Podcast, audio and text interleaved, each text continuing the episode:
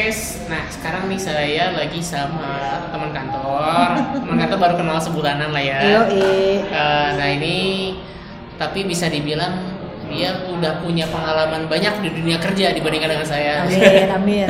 Karena eh, dia udah lama ya di dunia media, media ya teh.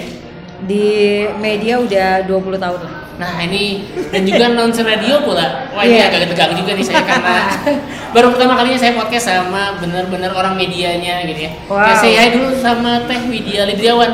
Halo, selamat siang, assalamualaikum. Ya, Teh Widya ini sekarang eh, jadi PR di Touch dan saya cuma sempat kemarin satu divisi, cuman kebetulan sekarang saya udah pindah divisi ke tempat yang baru di divisi sales. Ah, nah, selain eh, jadi PR juga di Touch, eh, Teh Widya ini juga announcer juga di PRFM boleh disebutin ya? Boleh, boleh, boleh, boleh. Announcer di PRFM jadi mungkin teman-teman yang eh, sa- pendengar setianya PRFM mungkin familiar dengan suaranya.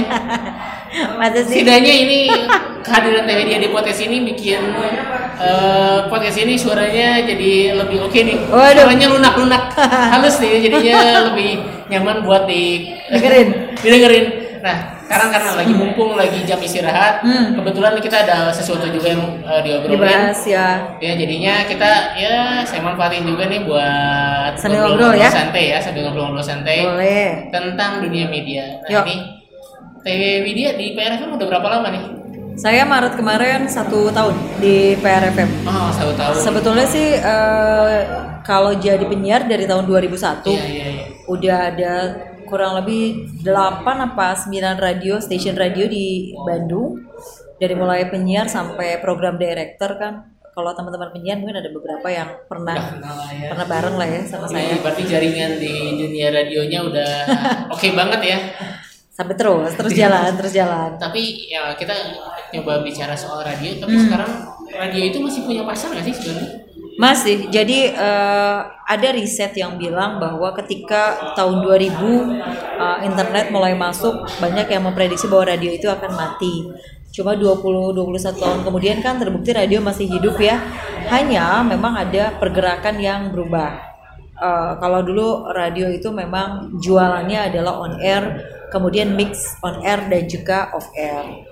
Nah kalau sekarang-sekarang mix lagi jualannya, jadi ada on air, ada off air, ada online. Ada sosmed juga ya. Online, masuknya ke Iya, iya, online. online. Jadi intinya kalau si radio atau station radio itu tidak bergerak ke arah online, nah itu juga akan jadi berat. Benar dari segi bisnis. Iya, artinya gini, mati sih enggak, mati sih enggak. Tapi karena kemajuan teknologi, orang bisa bikin apa pun hubungannya sama sama eh, suara gitu ya. Eh, mati enggak kan, cuman kompetitor dia akan jadi Iya. semakin banyak. Betul betul betul. Makanya eh, sekarang kita bisa ngelihat PRFM cukup populer juga di Twitter sama Instagram. Kalau saya sih Amin, paling nyaman juga di Twitter apa, sih. Di Twitter sih. Kalau Twitter, beda ya. sih kalau kalau entah kenapa ya mungkinnya kalau misalkan buat ngobrol komen-komenan Hmm, Twitter. posting sesuatu enak, emang paling enak sih di Twitter ya Iya. makanya sekarang Twitter juga walaupun sempet ya tempat 2015 2016 agak turun tapi Iya. sekarang udah naik lagi Iya. saya kalau misalkan ada apa-apa ya kontaknya pasti PRFM nanya apa-apa PRFM selalu punya jawabannya itu gimana caranya Ah, Oke, Ah, harusnya ngobrol juga ya sama teman-teman teman-teman redaktur online-nya PRFM. Tapi kalau saya sebagai announcer, sebagai anchornya eh, PRFM, kita tuh emang berasa deket banget gitu. Jadi sampai kita bikin bikin bukan jokes ya, kita bikin semacam eh, gila ya Twitter PRFM itu dari mulai orang nanyain jalan rusak di mana, banjir di mana, sampai putus cinta juga itu laporannya ke Twitternya PRFM. Dan itu kalau gue siaran ya, it almost happen every day. Jadi dari mulai yang eh, hujan nih misalnya kayak Iya. kemarin kan baru kan sempat kabut tuh. Iya, iya. Saya siaran subuh dari jam 5 sampai jam 9. Itu interval dari jam 5 ke jam 6 itu ada 6 sampai sampai 8 orang yang laporan Bandung kabut kabut kabut terus ada juga yang kabur ada yang ada juga yang laporan min kabut min gitu jadi inget sama mantan jadi hal-hal kayak gitu tuh kalau buat kita kita penyiar itu eh, apa ya. Meaningful gitu ya Iya, dan iya, kita iya. berasa berasa deket aja Iya berasa gitu. dekat ya. Jadi ya itu sama saya juga. Waktu itu waktu pertama kali apa eh, si jembatan layang yang Supratman itu Iya. dibuka, saya tuh posting di PRFM, Iya. di retweet dan itu saya eh, di repost sama 10 media Instagram Iya, iya. gara-gara dirimu Iya. sama PRFM karena saya pertama kali yang Waktu uji coba ya? uji coba Wah. terus saya yang video juga kebetulan istri lagi di depan di belakang di jok Itu belakang pasti sama Kanit Turjawali. itu gila langsung viral gini Iya. video saya sampai banyak eh, di oh, jadi dirimu. Gua gak kenal waktu itu. Iya, iya, iya. ini miminnya PRFM juga curiga Kenapa? mimin twitternya Bukan, bukan, bukan. Beda Kalau kalau mimin PRFM ada pokoknya. Ada lagi mimin mimin PRFM itu eh, spektakuler lah pokoknya. tapi itu gimana caranya bisa semua hal bisa dijawab juga gitu apakah memang Oke. eh, ada grup nih khusus nih ya, ketika ya. ada suatu pertanyaan langsung dilempar di grup Enggak, gini. Kalau kalau online-nya PRFM itu memang kekuatannya salah satu kekuatannya PRFM itu adalah eh, citizen report Iya. atau citizen eh, journalism. Jadi bagaimana membuat trust karena kan harus trust ya. Iya. Bagaimana membuat trust masyarakat apa pun yang mereka lakukan, apa pun yang mereka temukan, mereka cerita sama kita. Hmm. Karena kita kan tagline-nya eh, sekecil apa pun informasi dari Anda tentu akan bermanfaat buat buat pendengar PRFM di mana pun Iya. berada. Andalah reporter kami gitu. Jadi informasi ini dari mereka untuk mereka lagi. Hmm. Adalah kita gitu. Nah kemudian tadi pertanyaan berikutnya dari mana sih konfirmasinya? Alhamdulillah kalau soal link eh, nggak usah diragukan lah ya Iya. PRFM. Jadi ketika kita dapat isu atau kita dapat konfirmasi dari pendengar, kita langsung konfirmasi sama dinas terkait. Iya. Misal eh, Kak Hatek banjir nggak hari ini gitu. Ah, kita iya, langsung iya. ngobrol sama Polsek Gede eh Polsek Raja Ekek. Terus eh, hari ini demo di mana? Kita telepon langsung Satpol PP seperti apa. Jadi eh, poin pentingnya adalah kita harus memastikan sebelum saya siarkan, sebelum saya sampaikan kepada pendengar itu terkonfirmasi kepada pihak dan dinas yang terkait Terkait. jadi benar-benar sudah terverifikasi Iya, baik ya betul. Dan itu uh, challenge besarnya adalah tahun kemarin tuh. Kenapa Waktu awal-awal pandemi itu kita Banyak menghalau, hoax. iya kita menghalau hampir satu saya lupa ya sebulan apa apa seminggu 150 berita hoax itu bombardirnya luar biasa. Jadi Iya kerjaan kita waktu itu Eh, Min ini benar gak? Ya, Min ini benar gak? Ya, Min ini benar. Dan itu masih berlangsung sampai sekarang sih kayak kemarin Iya. eh, informasi dapat subsidi BPJS, informasi terus vaksin yang di Gedung Pakuan buat umum gitu. Sampai ada antrian kan itu di. Gedung Pakuan. Nah, kayak gitu-gitu kita biasanya kasih konfirmasi karena kekuatannya PRFM itu itu. Kita punya konfirmasi langsung. Begitu. Jadi memang jadi media itu punya peran penting banget sebenarnya jadi Iya. untuk menghalau hoax ya Betul. jadi eh, Menghalau buzzer sih. menghalau buzzer. Iya kadang memang Menghalau itu buzzer itu. Kadang saya juga pikir gitu ya, ini teh yang bikin hoax tujuannya buat apa gitu. Kalau kadang kalau misalkan eh, waktu zaman pemilu ada hoax tuh sebenarnya masih terbilang wajar karena Hmm. mungkin itu kan eh, persaingan persaingan politik ya. Ya, ya, Jadi betul. ada ada seperti itu aja. Tapi Ya. Kadang yang saya nggak habis pikir tuh ketika eh, Bandung terancam gempa ya kayak kayak gitu ya hoax kayak gitu yang beredar di Sebenarnya gini. WhatsApp itu maksudnya tujuannya bikin itu tuh buat apa? Hmm. Ya. Terus yang pandemi juga ini kunyit bisa men- menyembuhkan covid yang seperti itu kenapa kenapa sih dibikin Gini, gitu ya? Tujuannya ngapain? ada ada dua sebetulnya ada yang memang beneran bikin hoax dan membuat ricuh tapi ada orang-orang atau pihak-pihak juga yang baru eh, dengar sekilas belum dapat konfirmasinya udah bikin berita Hmm. jadi kayak misalnya Bandung eh, Bandung diancam gempa segala macam itu risetnya ada Iya, betul. jadi itu risetnya ada itu risetnya ada cuma membahasakannya gitu Iya, ya betul. balik lagi sama eh, apa mem- membahasakannya bahwa Bandung terancam gempa segala macam. Lah, selama ini kan Bandung memang ada di patahan kan. Iya, Bandung ada betul. di ada dalam lingkup patahan dan memang ada dan ada pergerakan ancamannya. dan memang ada ancamannya. Kalau kita ngomongin kalau kita ngomongin patahan Lembang, sesar Lembang itu kan memang real gitu. Tapi kemudian bagaimana BMKG merilisnya, bagaimana kita cerita sama pendengar kan nggak jadi gini loh, nggak jadi baru diancam gempa, wah kesannya itu kan horor banget Kesannya gitu. bakal hari ini iya, gitu. gitu. Nah itu tuh, Itu tuh kayak, kayak- itu tuh itu kayak gitu gitu banyak di luar sana orang yang baru dengar satu kalimat, baru baru dapat informasinya setengah, gatel, Iya, cerita benar. lagi gitu. Nah itu juga sebenarnya sesuatu yang unik ya eh, Ya. untuk eh, pemberitaan itu teh banyak. Saya eh, sempat eh, dapat statistik juga ya. Ya, Hoax paling banyak adalah dari grup WA. betul. grup WA adalah sumbernya terutama malah kadang ya grup WA keluarga Oh itu tuh sumber sumber kadang-kadang itu sumber kekisruhan sih memang. sampai dibikin meme juga gitu tentang grup WA keluarga itu ya gara-gara grup WA bapak-bapak gitu Ya, ya, ya, ya. seperti itu terutama ya saya sendiri ngalamin waktu pas zaman pandemi banyak ya dari ya dari om sendiri Ya. belum apa-apa udah bikin ini uh, buat ngatasin Pandemi, uh, pandemi uh, COVID. COVID harus pakai minum teh ini atau campur-campur padahal kan belum tentu juga ya. tapi ternyata kayak itu ya kayak kayu putih dimasukin ke Iya. hidung gitu kayak gitu-gitu ya itu almost kalau eh, kita ya waktu itu di awal-awal pandemi itu bahkan sampai ngalamin yang namanya psikosomatik Hmm. jadi kalau eh, Iya betul betul betul. Gara-gara Jadi- kepala lu banyak iya, cerita, jadi uh-uh. kita ngerasa sesak napas Iya. enggak gitu. Tiba-tiba ngerasa eh, badan badan capek gitu badan panas dan segala macam. Itu kita sempat ngalamin awal-awalnya adalah psikosomatik. Biasa. Iya. Ya gitu deh. Pokoknya eh, balik lagi ke yang tadi memang peran media itu eh, penting makanya kita selalu bilang bahwa silakan saja kalau mau dengar berita dari mana saja tapi pastikan sumbernya adalah sumber yang Tepat, terpercaya. Percaya. Nah kemarin juga sebenarnya sempet ya ada obrolan-obrolan juga sama temen ya. Jadi kenapa sih grup keluarga bisa jadi salah satu sumber hoax? itu salah satunya katanya, katanya itu karena memang iya eh, generasi di atas kita ya, generasi Baby boomers. baby boomers adalah generasi yang tumbuh di saat masa orde baru hmm di mana eh, pada masa tersebut itu mereka tidak mempunyai kebebasan berbicara. Nah, ketika sekarang udah punya kebebasan berbicara, semua ngomong gitu ya? Ya, semua ngomong. Semua semua merasa punya punya Iya. space buat ngomong gitu.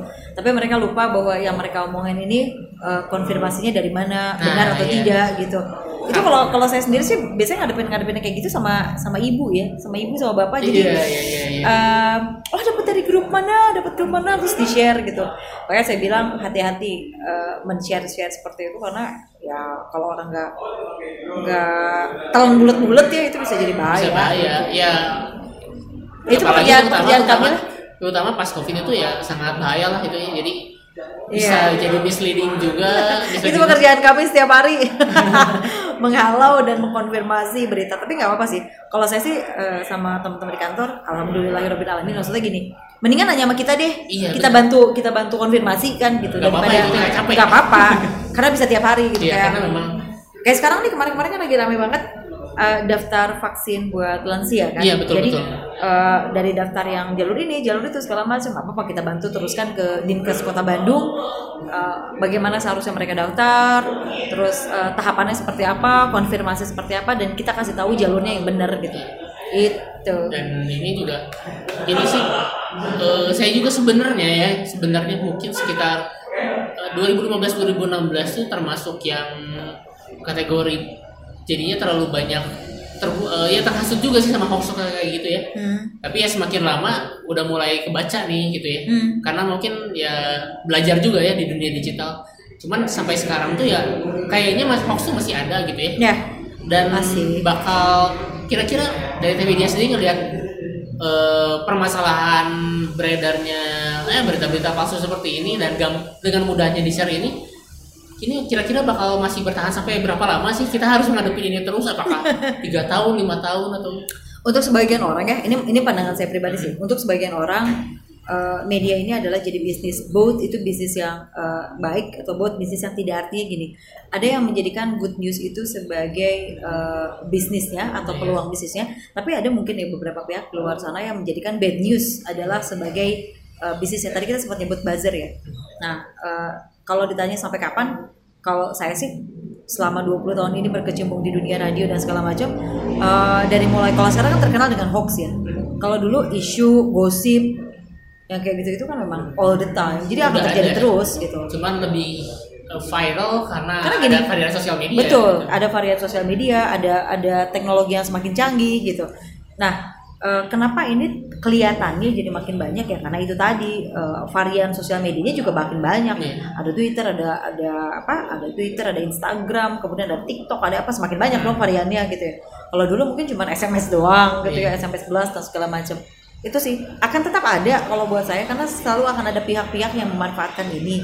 Cuma PR-nya saya yakin lah semakin lama kan masyarakat juga makin pinter ya. Iya. jadi tentu Jadi sudah makin tahu eh, hoax yang mana iya gitu gitu. ya. gitu sih. Karena wah ngomongin hoax mah. Nggak akan ada habisnya Iya. karena memang ada yang sengaja karena gini ya kalau ngomongin hoax ya eh, satu berita satu isu itu hoaxnya bisa macam-macam. Wah itu uh, apalagi kalau berkaitan dengan isu yang memang lagi, Lagi viral gitu. Iya. Wah, itu Iya. wah luar biasa lah pokoknya kadang hoaxnya. dimanfaatkan juga gitu kan ketika lagi hoax ya udah eh kalau lagi hot beritanya langsung Iya. dibikin hoaxnya juga Itu begitu. Ya, jadinya begitu begitu. eh, sesuatu yang memang udah nggak bisa dihindari lagi dan memang harus dihadapi sih ngadepin si hoax ini Ya.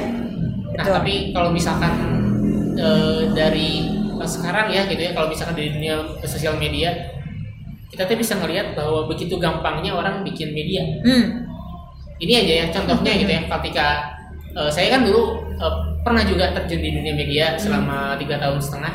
Terus eh, dulu saingannya tuh ketika saya ngetik ini aja ketik di kolom search Instagram ngetik Bandung yang keluar ada info berita Bandung berita Bandung apa Bandung ini Bandung itu sampai yang sampai puluhan.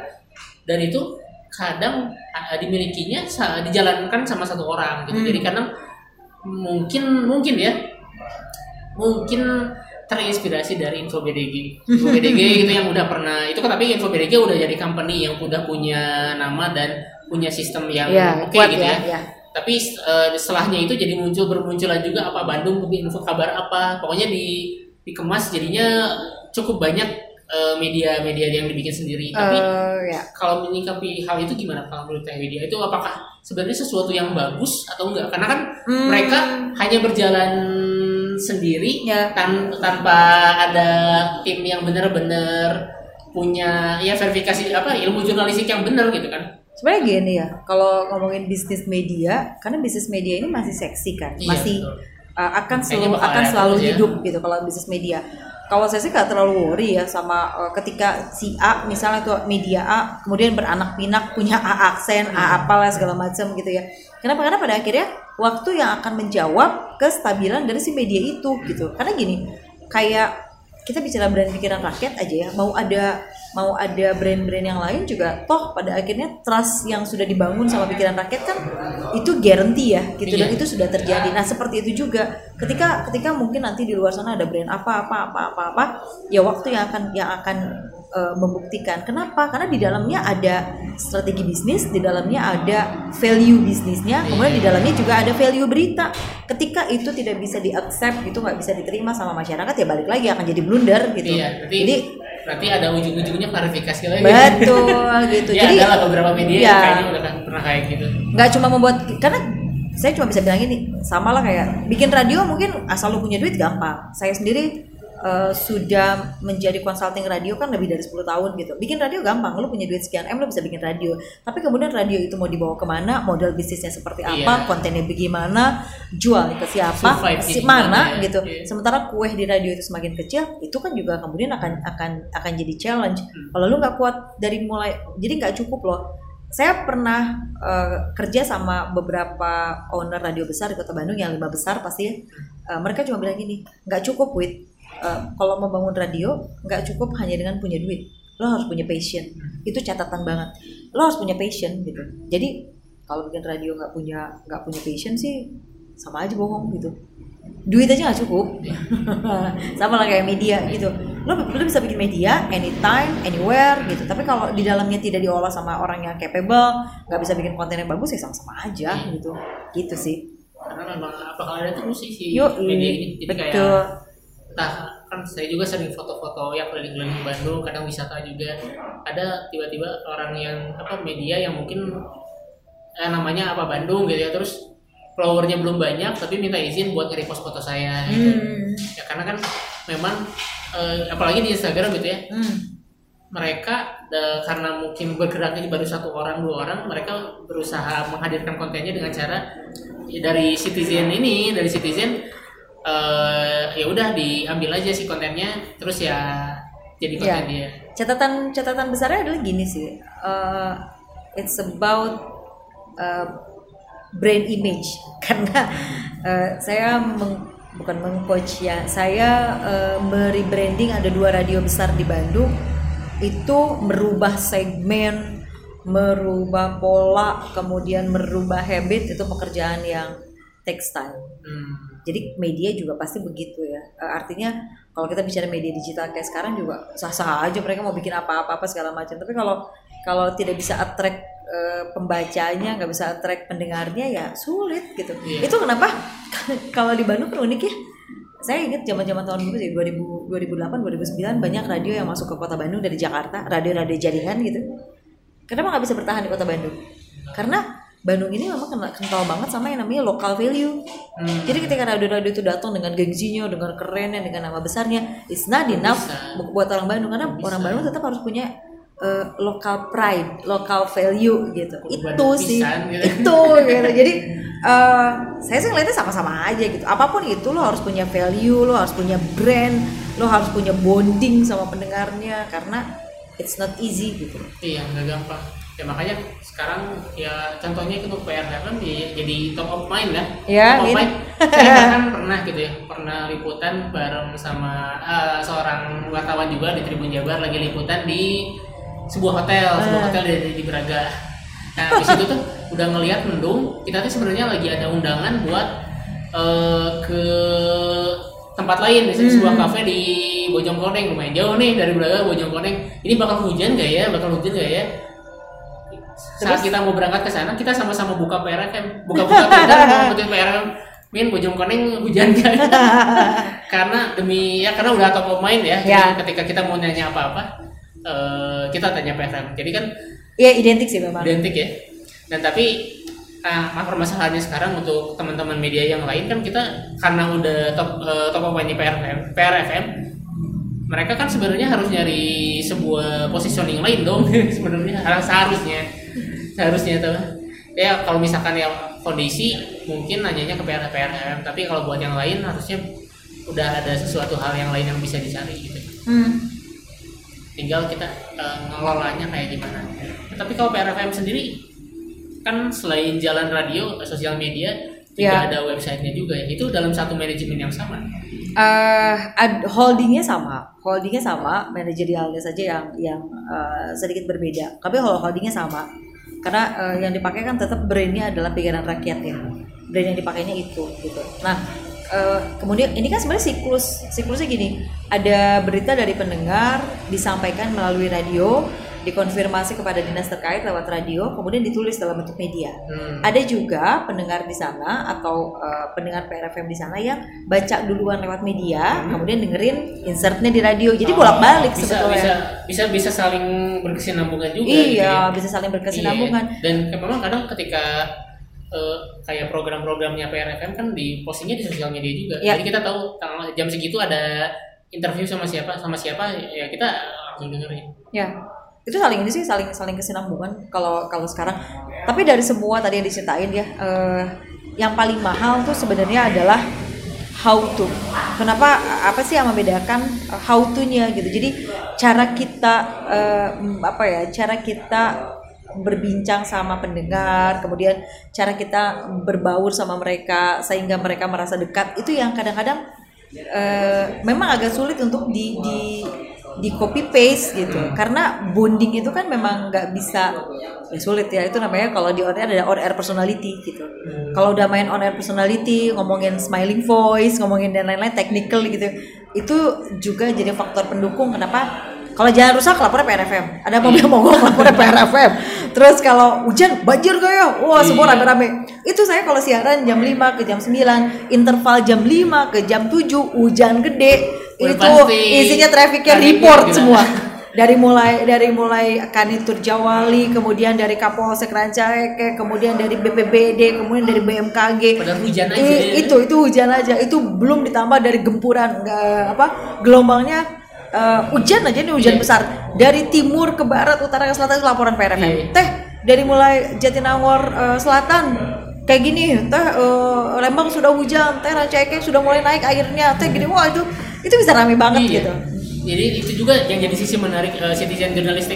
Jadi ketika eh, dari misalkan ya kan kalau misalkan citizen itu ternyata nggak cuma nyari tahu, tapi mereka juga pengen supaya mereka jadi sumber informasi. iya iya betul betul Makanya jadi ketika ada apa ketika tadi yang ada hujan ada banjir, mereka tuh berebut untuk eh, Berbagi informasi, iya, iya. Dan be, be the first ya jadi Iya. yang pertama ya. itu kadang-kadang gini loh ada eh, kalau pengalaman saya sih selama 20 tahun ini gini ada semacam addiction tapi mudah-mudahan addictionnya positif ya Iya sih. kayaknya kalau mereka hari ini saya punya pendengar yang sangat-sangat loyal setiap saya siaran dia pasti ke WhatsApp Ada. ada, Oke. jadi gue bilang dia kan pakai oke kalau dia punya data ya pakai WhatsApp tapi bayangin kalau dia pakai SMS Iya. artinya kan dia Mahal. spend spend money kan Iya, betul, betul. dia kan spend money kalau itu tidak kalau dia tidak punya addiction hari ini gue harus lapor nih sama PRFM gue belum lapor nih hari ini sama PRFM Iya sih. gimana coba artinya kan ada ada hatinya mereka yang kebeli dong Iya, sama iya, kita iya, iya. ada addiction yang kebeli Jadi sama mereka, mereka ibaratnya jadi source-nya kita tanpa dibayar. Betul, Ya, dan- misalkan dari brand brand evangelis ya. Betul. Nah, tapi kalau misalnya ada ini membantu ya ketika misalnya ada isu yang bagus. Ketika ada isu yang bagus itu gak harus disuruh. Hmm. Mereka tuh akan ngasih opini loh. Mereka akan ngasih komentar. Contohnya kayak kemarin saya siaran kita ngomongin pembelajaran tatap muka nih. Kita ngomongin pembelajaran tatap muka. Itu mereka nggak usah disuruh. Mereka tuh komen. Iya. Teh saya mah nggak akan ngasih anak saya gini. Teh kalau saya belum kayaknya anak saya PTM. Teh nanti kan gini kan ini begini. Teh jadi eh, itu saling melengkapi. Bahkan kadang-kadang kalau ada pendengar yang on air gitu ya. Iya. Oh, menurut saya gini gini gini gini. Itu rame lagi tuh. Jadi Iya, saut-sautan gitu. "Ah, Saya setuju tuh tadi sama sama Yang Kang tadi ini gitu. Itu di Instagram juga sama, ya di semua Ya. sosial media, di Twitter semuanya sama dan kadang memang ya dari segi PRM sendiri kan bahasanya memang kadang memancing orang buat beropini. Ya. Jadi kayak misalkan eh, ya nggak usah yang soal tadi ya tentang Persib. Persib Bandung eh, akan menghadapi Persebaya nanti eh, tanggal 11 April. Hmm. Gimana pendapatnya Bobotoh? Ya. Kayak jadi orang pada nonton pada Kalau itu memang sengaja kalau kalau yang Buat hal seperti itu itu ya? memang memang sengaja untuk traffic ya. Untuk artinya ad- ada beberapa isu yang memang kita bisa lempar dan itu kita kita yakin banget itu hot issue dan itu bisa ditarik. Iya. Tapi kadang-kadang kita sering nemuin eh, berita aja kalau kita baca headline news aja kalau misalnya itu attract orang kita nggak minta mereka buat gitu aja itu mereka akan kasih kasih komen. Karena gini kan kalau dari intonasi beda ya. Eh, Oke salam biru untuk anda mendengar eh, tanggal 11 April Persib akan berhadapan dengan Persebaya Eh, berapa banyak kan Persib untuk menang kayak gitu-gitu. Itu pasti akan memancing orang dari intonasi. Tapi kalau kayak berita berita bahwa oke eh, 2.800 sekolah sudah akan eh, melakukan pembelajaran tatap muka. Itu statement kan? Itu Iya, statement. betul, betul, betul, nah statement. di PRFM even statement aja itu bisa bikin orang hah serius teh? Udah boleh ya? Gitu gitu. Ah, iya, itu iya, memang. itu bisa jadi bikin begitu nah maksud Jadi- saya ada banyak ada banyak faktor ada banyak value yang balik lagi. Uh, yang harus dibangun di, di bisnis media adalah trust. Iya. setelah trust kemudian juga nyaman. Gue rasa kalau misalnya uh, lu aja ya kenapa waktu waktu uji coba uh, jembatan layang yang di take PRFM Iya. karena kan karena kan nyaman mungkin dia bicara Iya. sama kita atau ngobrol sama kita dan yakin bahwa oh ini didengerin oh ini di repost gitu ya sama Iya. sama PRFM kayak gitu gitu itu yang kita gunakan juga ketika ada orang hilang terus ada eh, penemuan apa atau ada kecelakaan apa sehingga eh, langsung ditangani gitu Iya, iya, iya. Jadi dari segitunya, tapi Iya. memang saya juga ketika ngetek PRFM ya memang ada perasaan pengen diri bos pasti tidak mungkin tidak itu tidak mungkin sekedar ah ngetek PRFM kan eh, iya tapi udah pasti ada eh, apa pengen ada perasaan pengen jadi yang pertama eh, untuk di- diketahui orang gitu. Ya. Kalau saya sih kalau buat nyari follower enggak enggak sih. Ya. Rata-rata follower saya follow teman-teman terdekat aja cuman kadang-kadang ada rasa wah jadi jadi sumber konten juga gitu ya. Karena Itu- itu, itu. kan sebenarnya eh ber, ber- sesuatu yang sebenarnya kalau misalkan eh, media bayar konten ke orang tuh harusnya kan bayar, Bayar. sebenarnya. Tapi sekarang tuh orang dengan suka rela memberikan konten buat media kemarin kita bisa bisa nemuin ada satu cerita lucu kalau pernah dengar di PRFM motor yang tertukar itu eh, trafiknya lumayan tinggi juga waktu itu jadi ada cerita motor yang tertukar jadi Oh iya iya tahu yang di Alfa ya. itu kita berulang-ulang kali bahas itu penyiar, redaktur, terus kru itu kita mohon maaf ya, tapi kita beneran kita ketawa loh. Iya. Maksud gue gini, eh, bisa begitu kan itu sebenarnya cerita. Jadi Ajaib. maksud saya gitu, saya cuy saya cuma nggak kebayang bahwa yang yang bikin saya amazed adalah saat itu dua-duanya adalah pendengar PRFM. Hmm. Iya kan? Jadi yang satu pulang si kuncinya do, yang satu pulang eh, apa sih saya lupa pokoknya stang, eh, eh, start starternya itu aman. Jadi dua-duanya itu rusak kondisi motornya Iya, makanya iya, iya. ke bawah dan itu kan deketan gitu. yang saya amazed adalah dua-duanya pendengar PRFM Dan gitu. nyambung, dan nyambung. Jadi dan itu hitungan hitungan dua kali 24 jam motornya bisa langsung ditukar kan amazed ya maksud saya Berarti wow banget ya itu satu connecting pointnya di PRFM. Iya gitu. Terus kayak kemarin ada kakek-kakek purnawirawan kesasar mau ketemu sama keluarganya ditampung sama pendengar PRFM pendengar PRFM juga cerita ke kita ini saya ketemu dia nggak bisa jalan dan segala macam. Hitungan satu kali 24 jam nggak nyampe 12 jam itu eh, dijemput sama dijemput sama keluarganya. Artinya juga kan informasinya sampai. Jadi Iya betul betul. itu eh, ketika si pendengar itu nemuin si bapak ini pendengarnya cerita ke kita ketua RW tempat bapak itu tinggal pendengar kita juga. Iya. jadi langsung oh ya kita jemput ya segala macam. Ketemu lagi sama keluarganya kebayang gak sih? Artinya banyak hal yang bisa kita lakukan for good things Iya. gitu ya dengan dengan hal-hal seperti ini itu. Cuman balik lagi basic dari segala basic adalah trust. Karena membangun trust itu brand Berat. membangun trust itu eh, PR Berat banget lah. Itu proses sih. Iya, iya.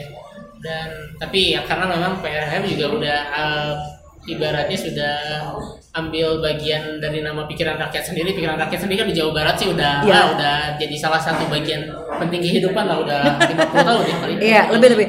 Dan eh, challenge sih mempertahankan nama besar itu kan juga harus dibarengi sama kemauan untuk agile, kemauan untuk beradaptasi sama kondisi sekarang, Iya, iya, ya kan? betul, Nggak bisa dong gitu-gitu aja gitu kan? Ya gitu sih. Ya seru lah. Cuman memang kalau eh, di era sekarang ini di satu sisi media jadi ya jadi sebagai the, the good cup-nya ibaratnya ya, tapi ada juga bad Hmm. Bad cup-nya. cup-nya, jadi ya. kayak misalkan ya yang sering dibahas itu adalah kadang media terlalu banyak eh, mengangkat sesuatu yang memang ya memang memang hot gitu ya hot tapi kita ngalamin kok. Kita, Iya, kan? kita ngalamin, kita ngalamin. Waktu awal-awal pandemi kan, eh, ingat zaman-zaman dulu eh, kita ada siaran langsung jam 4 pertambahan Oh, kasus iya, iya, konfirmasi iya, positif yang ada kan. Siapa, Pak Ahmad ya? Lupa pokoknya itu. Sebelum sebelum ini ya eh, apa siapa sekarang juru bicara satgas? Kok gue lupa? Enggak kalau kalau yang cewek kan itu eh, apa juru bicara komunikasi. Ah, iya, iya. kalau yang yang sekarang kok gue lupa namanya ya gue inget muka aja gue lupa namanya nah sebelum yang itu kan kita hampir setiap jam 4 sore kan kita live aja terus. kita juga mengalami fase kenapa sih harus kita sempat ditanya kenapa sih harus nakut-nakutin kenapa sih harus diupdate kenapa sih kita ngalamin loh Iya, iya. sampai kalau saya tektokan sama Pemret Apakah, apakah ini sebuah konspirasi Iya, gitu kan gitu. media bagiannya? kita waktu itu sampai saya sama Pemret berapa kali tektokan on air kita bilang bahwa eh, semua yang kita lakukan kita eh, basisnya adalah tetap pada jurnalistik kita memberikan informasi dan informasi yang kita sampaikan adalah informasi yang benar gitu ya karena pada saat itu kan selain psikosomatik orang kan enak ya dengan beritanya Iya. covid lagi covid lagi covid lagi ini bulan-bulan eh, Mei ke Mei ke Oktober lah itu orang lagi enak-enaknya dengan Iya, berita bener. soal COVID. COVID gitu. Dan itu kita dapat dapat nggak usah lah ngebahas lagi COVID gitu ya, nggak usah kita kasih berita tentang COVID dan segala macam. Men, 88,8 persen itu isinya adalah berita tentang COVID Iya. ya. Nggak ada tuh. lagi? Nah, begitu mulai akhir tahun ada isu eh, vaksin mau datang, kemudian ada isu eh, apa namanya pemulihan ekonomi, ada isu dan segala macam, baru tuh mulai beragam beritanya Iya, kan. iya. Kalau sekarang sih sudah cenderung balik ke tatanan lagi ya, tatanan hidup yang kita agile gitu. Iya. Kalau dulu kan, men dominasi beritanya semua tentang COVID kan. Iya. COVID di daerah ini, COVID di daerah itu, kasus ini, kasus itu, kasus yang eh, kasus yang begini, terus kasus ditolak ditolak makam lah dan segala macam. Itu almost every day, every time gitu dan mau siapa pun yang siaran pasti materinya begitu kan. Itu pendengar juga enak, enak. Sempat Pasti. sempat melayangkan protes banyak gitu. Cuma kita balik lagi kita tugas kita mengedukasi dan menggiring ke opini yang benar bahwa ini kita lakukan fungsinya buat ini loh, Iya. buat ini. It's Tapi- not easy lah ya. Iya, tapi sebenarnya kalau dari media sendiri benar-benar eh, untuk pemberitaannya apakah based on needs ya dengan, dengan kebutuhan yang dibutuhkan masyarakat atau enggak eh base yang mungkin dibutuhkan sama masyarakat. Jadi maksudnya kan kayak Oh. sesuatu yang ah kalau misalkan melempar kayak gini ya contohnya pernikahan yang kemarin terjadi. Jadi itu kan sesuatu yang sebenarnya tidak dibutuhkan sama masyarakat tapi ketika kalau misalkan melempar ini ini bagus. Oke, kalau yang sifatnya kalau yang sifatnya konfirmasi biasanya eh, SOP-nya ada di redaktur. Jadi redaktur yang yang diskusi sama kita kita para penyiar, yang mana yang kemudian akan dikonfirmasi untuk menjadi isu yang uh, dibahas sama netizen atau pendengar gitu. Cuma kalau pemilihan berita, ini kan hubungannya sama pemilihan berita ya. Iya, betul. Pemilihan berita yang paling penting buat kita adalah engage sama orang. Balik lagi sama kebutuhan. Kayak hmm, mana yang orang masih mau dengar? Uh, bayar bayar air atau bayar listrik di Kota Bandung ada penurunan harga atau KPK. Kalau secara needs bayar listrik itu lebih ditanya sama orang. Iya, Terus betul, betul. eh, jalan mana yang yang masih bolong-bolong nggak nggak usah dipakai sama eh, penangkapan pejabat yang korupsi. Dua-duanya beritanya punya value, yes. Cuma kalau di PRFM yang paling dekat, yang paling dibutuhkan saat itu sama masyarakat itu yang jadi eh, skala prioritas gitu. Jadi pemilihan berita, kemudian link-link berita yang yang kita sampaikan ke mereka itu based on needs sebenarnya begitu. Jadi memang tetap ya eh, semuanya juga harus diatur biar sama seimbang Ya, dan juga memang harus eh, tetap menjaga si trustnya itu ya. Iya, karena kan eh, pendengar kalau di PRFM, pendengar kan bagian bagian dari kita ya. Iya, pendengar betul. kan bagian dari kita. Sama Jadi aja, pendengar Ah, juga kita juga. pendengar kan kita juga. Jadi kita juga kadang-kadang harus bisa memposisikan, eh kalau gue jadi pendengar, eh, Basi nggak kalau iya gitu ya, ah, gitu. Eh, sampai kayak beritanya atau mereka mendengar dengan baik kayak kadang-kadang kalau beritanya covid lagi, penambahan lagi dan segala macam, udah skip kayak. Hmm. Tapi itu challenge juga buat kita buat kita penyiar ketika memberitakan hal yang cukup bikin enak gitu ya Iya. buat pendengar kita kan harus bisa attract dengan Iya. dengan apa yang kita punya. Kalau sekarang sebenarnya netral. Jadi kan se- se- se- se- apa? Sekarang masih tetap berita tentang covid kan ada aja gitu ya. Terus ya penambahan tetap ada berita juga gitu Hmm. oh, ya. satu lagi sebenarnya kita kita ini punya tugas positive vibes. Jadi Iya.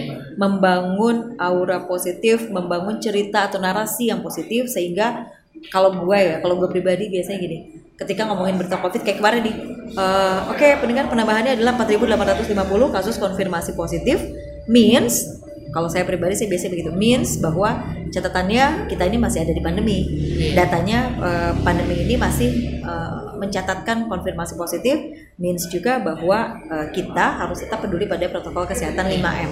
Jadi membangun bonding seperti itu, membangun hal-hal seperti itu itu harus perlu Iya, gitu. iya. Karena kan kalau si radio itu two way, two way eh, one way communication. Tapi kalau di PRFM enggak. PRFM itu benar-benar yang two way gitu. Jadi ketika ketika lu bacain berita dan berita itu attract orang, hitungan detik mereka akan bisa respon ke kita. Iya, iya, iya. Jadi memang ya jadi sesuatu yang ya menarik juga sih ya Iya. Selalu selalu selalu menarik kalau ngomongin media. Tapi gitu. rencananya bakal tetap terus hidup di media dong ya. Eh, kalau saya sih saya mau tetap siaran sampai nggak bisa siaran lagi. Kenapa? Karena memang ada kepuasan sendiri ya kalau Iya. siaran. Eh, itu sih. Tapi kalau bisnis bisnis yang lain tentunya berhubungan sama media dan berhubungan sama komunikasi. Karena saya selalu bilang ya kalau saya ngisi training atau jadi mentor di mana aja, apa pun profesinya kita, komunikasi yang baik itu itu adalah bekal gitu. Itu aja sih. Benar. Jadi kadang-kadang kalau orang mbak gue nggak perlu belajar public speaking kan gue nggak mau jadi penyiar kayak lo gitu. Gue kan nggak mau jadi presenter. Eh lu jadi sales juga lu butuh komunikasi Iya, yang baik kali gue bilang gitu. Lu lu jadi pedagang juga lu butuh komunikasi yang baik kali gue bilang gitu. Komunikasi mah nggak akan nggak akan hilang oleh waktu. Itu Iya. mah masih selalu kepake mau apa pun Betul. kerjaannya. makanya gue selalu bilang bahwa apa pun pekerjaan lo lo harus punya komunikasi yang baik gitu. Dan itu yang Karena yang kan komunikasi itu kan gimana cara kita mendeliver message. Ya. Kalau misalkan kita mau jualan ya kita harus mendeliver si produk kita seperti apa supaya Yes. orang bisa bisa terima. Begitu Oke deh, karena ini udah habis juga waktu istirahatnya. Eh, sekian aja dulu untuk Siap. obrolan sama Teh Widya. Mungkin kita bakal ngobrol lagi di lain waktu dengan Boleh. materi Yang lain. berbeda. Siap Oke, thank you nih Teh Widya Sama-sama, masuk di. Eleka Sekeng Podcast.